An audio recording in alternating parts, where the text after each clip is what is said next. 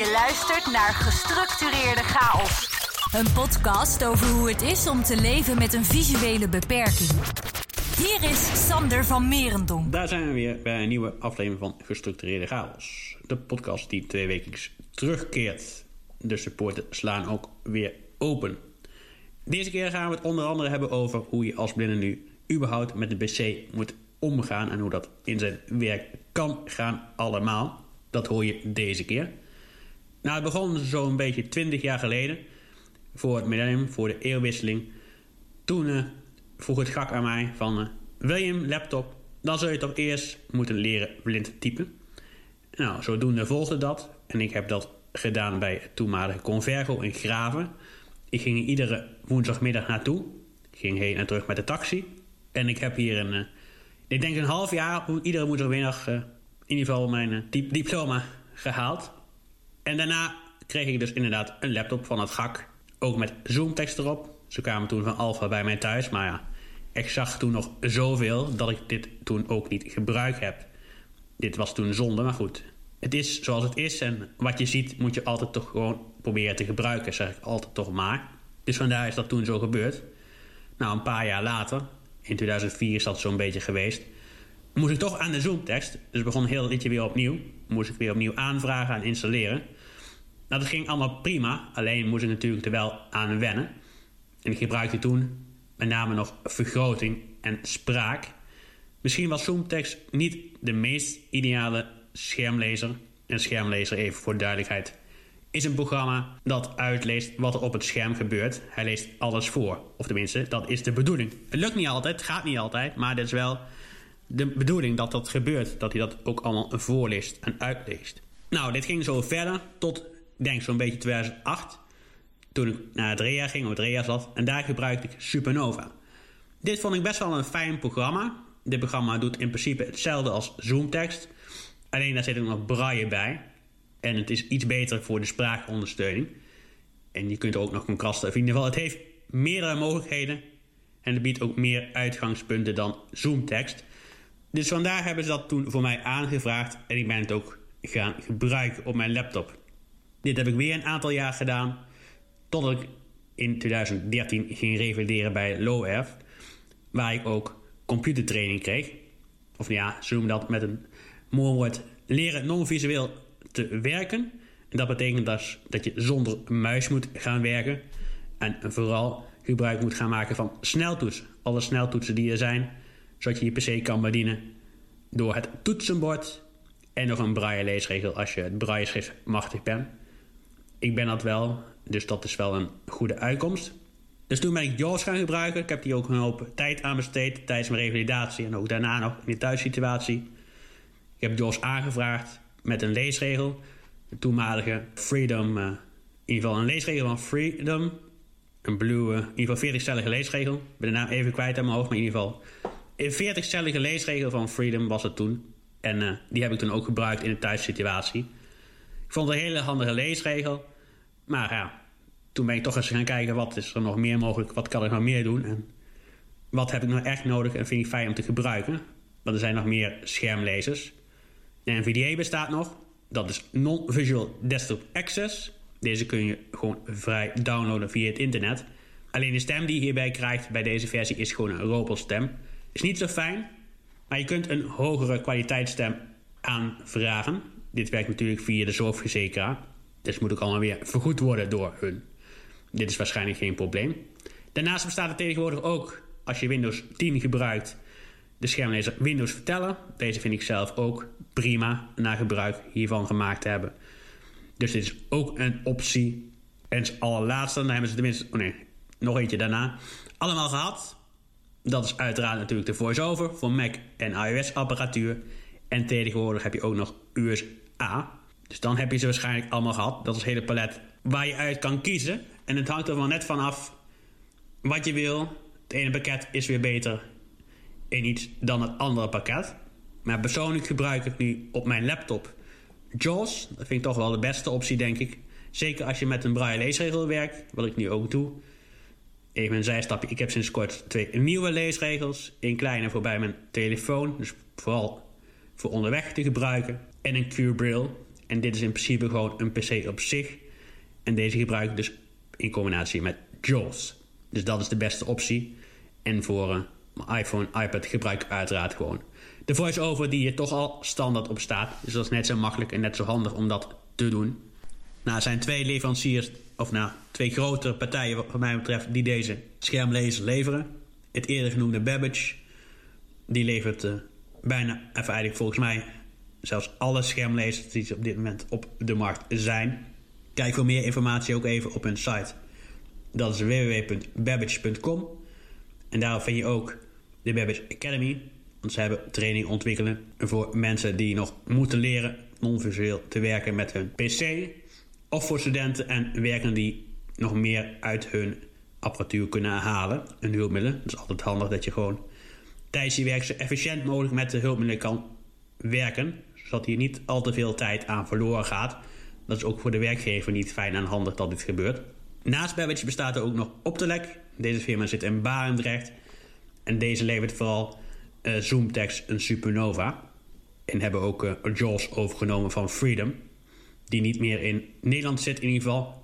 Ik denk nog wel in de VS, maar in ieder geval niet meer in Nederland. Die, uh, die bestaat hier niet meer, is opgeheven. Dus dat is vooral de manieren waarop je met de PC kan werken, wat mij betreft.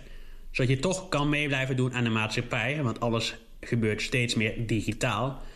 En het zou zonde zijn als het niet meer zou kunnen. Als wij niet meer zouden kunnen meedoen is wel een voorwaarde dat alles gewoon digitaal toegankelijk moet zijn en blijven.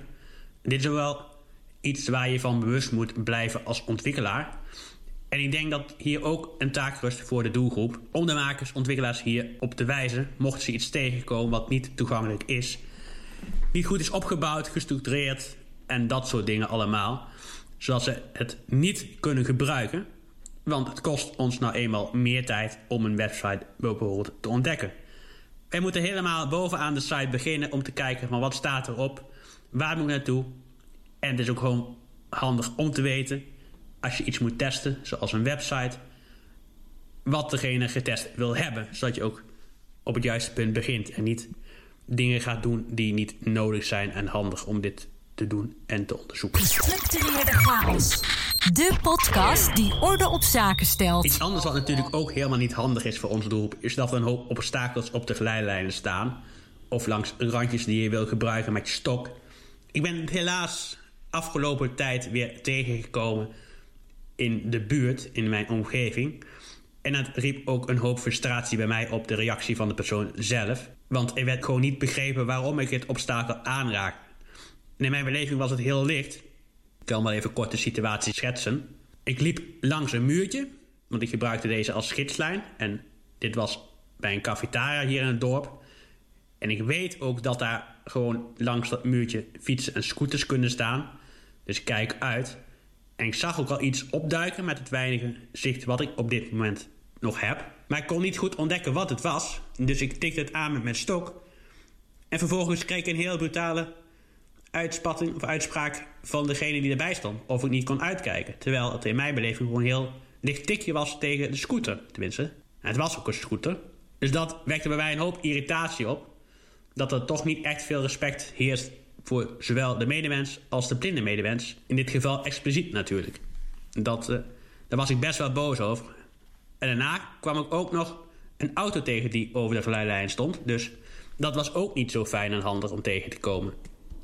Dus ja, dit bewijst maar weer dat er een hoop winst te boeken valt in de voorlichting over geleidelijnen en al dat soort andere dingen, die ik toch iedere keer maar weer even hier moet bespreken, omdat het toch een ondergeschoven kindje blijkt te zijn en nog niet echt bewust mee omgegaan wordt door de rest van onze maatschappij. En dat is wel, ja, ik vind het wel een beetje jammer en frustrerend om dat te merken.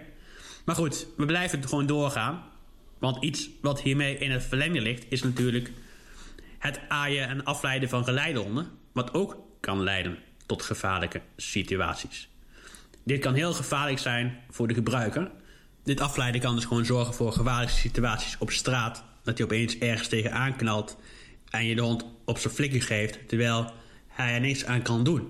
En dit is ook niet goed voor de band die je toch moet hebben en opbouwen, maar ook moet bewaren met je hond. Want het is een hulpmiddel en hij begrijpt echt niet als je op hem begint te schelden wat hij fout heeft gedaan. Want het geheugen van een hond is maar 5 seconden en dan is het weer weg. Dus het heeft totaal geen zin, dus probeer dat ook te voorkomen. Maar goed, dat heeft ook met de omstanders te maken. Dat ze de hond dus niet mogen aaien, afleiden, voeren en dergelijke. Omdat het gewoon kan leiden tot heel gevaarlijke situaties die niet handig zijn. Gestructureerde chaos met Sander van Merendonk. Iets anders wat ook met geleidehonden heeft te maken... is dat je deze niet mag weigeren zomaar in een openbare ruimte. Want hiermee discrimineer je ook de gebruiker. Want de hond hoort bij deze persoon, dus het kan ook heel deprimerend zijn, ingrijpend, als deze persoon opeens wordt geweigerd bij een restaurant. Terwijl deze daar gewoon wil gaan eten. Dus probeer dat te voorkomen. Ik snap ook dat er situaties zijn waarbij dit niet kan of minder handig is. Dus kijk als gebruiker ook heel goed naar de situatie van... moet je per se je hond meenemen naar zo'n gelegenheid of situatie? Of is er ook een alternatief wat je de hond kan bieden... zodat hij of zij een fijnere en leukere dag heeft... in plaats van bijvoorbeeld een hele dag aan tafelpoot te liggen... wachten tot de baas weer terugkomt. Dat is uh, minder fijn dan dat hij bijvoorbeeld de hele dag kan redden op een weiland of in een bos. En mocht je ook een blinde zien bij een zebrapad, help deze niet zomaar het oversteken, want voor hetzelfde geval wil deze persoon helemaal niet naar de overkant toe. En wil hij gewoon de stoep vervolgen, of daar even blijven wachten totdat iemand hem komt ophalen. Dus vraag eerst aan de persoon zelf wat hij slash zij wil, of waarom dat hij daar staat te wachten. Want voor hetzelfde geld heeft hij helemaal geen hulp nodig. Daarnaast is het ook handig om te stoppen als automobilist als de gebruiker van een stok deze omhoog steekt. Volgens mij leer je dat zelfs tijdens het autorijden, tijdens de theorie. Staat gewoon in de wet, maar goed. Ik heb nooit een theorie-examen hoeven te doen. Dus corrigeer me maar als ik het mis heb, als ik ernaast zit. Dan hoor ik het graag. Maar volgens mij is het de bedoeling als iemand een stok omhoog steekt... dat je daarvoor gewoon moet stoppen. Dat lijkt me wel zo fijn en handig. En ook is het niet fijn als je als blinde aangesproken wordt als een kind of kleuter. Of dat niet tegen jou gesproken wordt, maar tegen je begeleider of tegen je hond. Dat is ook niet fijn. Dus let daarop en spreek op een normale volwassen toon tegen degene die je moet helpen in een winkel of waar dan ook. Want deze persoon is gewoon een volwassen persoon. Dat uh, is en blijft gewoon zo. Dus doe daar ook gewoon zo normaal mogelijk tegen. We zijn er wel visueel beperkt, maar we zijn waarschijnlijk gewoon niet achterlijk. Dus probeer dat te voorkomen en doe dat ook gewoon niet. Daarnaast nog een tip. Mocht je een blinde in een kamer tegenkomen, uitnodigen op een feestje of verjaardag, vertel hem dan ook gewoon wie er allemaal in deze kamer zijn. Dat is wel fijn, dat je ook weet wie er aan het woord kunnen komen. Dat je ook een beetje aan de stemmen kan wennen.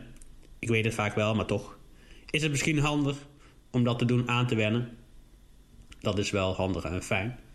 En daarnaast nog iets wat ik zelf nog niet wist, maar wel heb opgestoken. Is als je een blinde een hand wil geven, raak eerst even zijn haar hand aan. Dan weet hij, of in ieder geval de persoon, dat je hem een hand wil gaan geven. Nou goed, in deze tijd uh, is daar nog helemaal geen sprake van natuurlijk. Want we leven nog steeds in de pandemie moeilijk woord, om, leuk woord om over te struikelen ook. Maar in ieder geval, we hebben nog steeds te maken met COVID-19. Maar er gaan wel belangrijke dingen veranderen. Want er is aangekondigd dat er per 25 september aanstaande...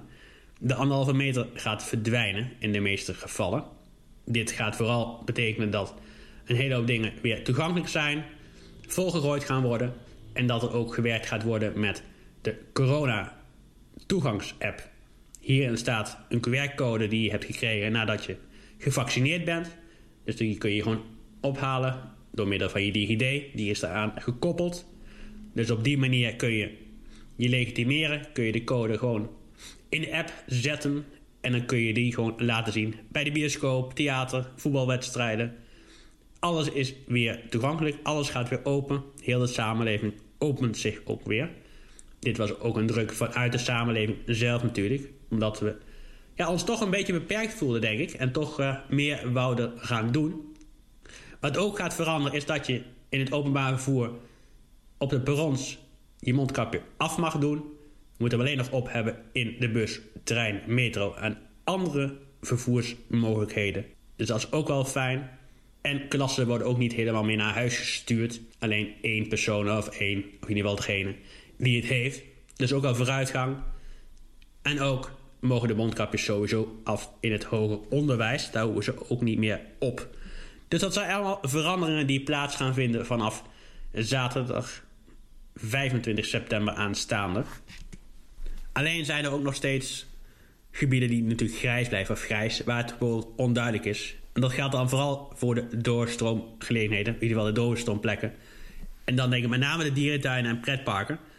Het zijn wel doorstroomlocaties, maar toch hebben ze horeca dingen en attracties binnen. Dus hoe gaan ze dit oplossen? Hoe gaat het gebeuren en hoe gaat het zich ook ontwikkelen? Is mijn vraag en ook de vraag uit de branche, uit de fanzine, die ik toch vaak voorbij zie komen in de appen die ik gebruik, of in de groepen waar ik in zit met dit soort mensen. Dus ja, ik ben benieuwd hoe dit zich gaat ontwikkelen, maar goed. Dat antwoord zal snel volgen, vermoed ik zo'n beetje. Er was ook nog wat nieuws uit de Efteling zelf. Dit heeft vooral betrekking met de wereld van Simbad. Het nieuwe gebied waar ze vanaf 5 september mee bezig zijn gegaan. Nou, allebei de attracties zijn er weg. Heel Monsieur Cannibal is al afgebroken. Alles is al opgeruimd en weg daar. Dit geldt ook voor het avonturendoolhof. Alle heggen zijn er al uitgehaald. Er staan er twee dingen in. Dus ik ben benieuwd hoe dit zich gaat ontwikkelen. Maar het zou snel moeten gaan. Want het moet komende winter al af zijn. Dus dit moet heel snel gaan gebeuren. Dus het komt allemaal goed. Nou, even nog het laatste nieuwtje, wat ik jullie ook niet wil onthouden, is dat er aanstaande week van 23 tot en met 26 september het podcastfestival plaatsvindt in Utrecht, Amsterdam, Groningen en Nijmegen. Dit is vooral voor startende podcasters. Dus mocht je je podcast willen gaan starten binnenkort, zou ik je willen aanraden om hier misschien een kijkje te gaan nemen. Kaarten zijn denk ik nog te boeken, maar kijk daarvoor even op hun website. Dat is www.podcastfestival.nl. Is het weer rond? Mocht je nou iets willen toevoegen aan deze show, kan dat altijd. Stuur dan vooral even een mailtje naar info gestructureerde of vul gewoon het reactieformulier in op de site. Dat is dezelfde, gewoon www.gestructureerde. Deze show kun je uiteraard ook volgen en vinden op de favoriete podcastplatforms en apps van je, zoals Spotify, Apple Podcasts, Google Podcasts en nog veel meer. En vertel vooral ook van het bestaan van deze show aan je opa, je oma, je moeder, je broer, je cavia, you name it. En abonneer ook. Dat stellen we ook altijd op prijs. Altijd leuk om te zien dat dit gewoon kan. Hadoe. Bedankt voor het luisteren naar deze aflevering van Gestructureerde Chaos. Niets missen van deze podcast? Abonneer je dan nu via de diverse platforms.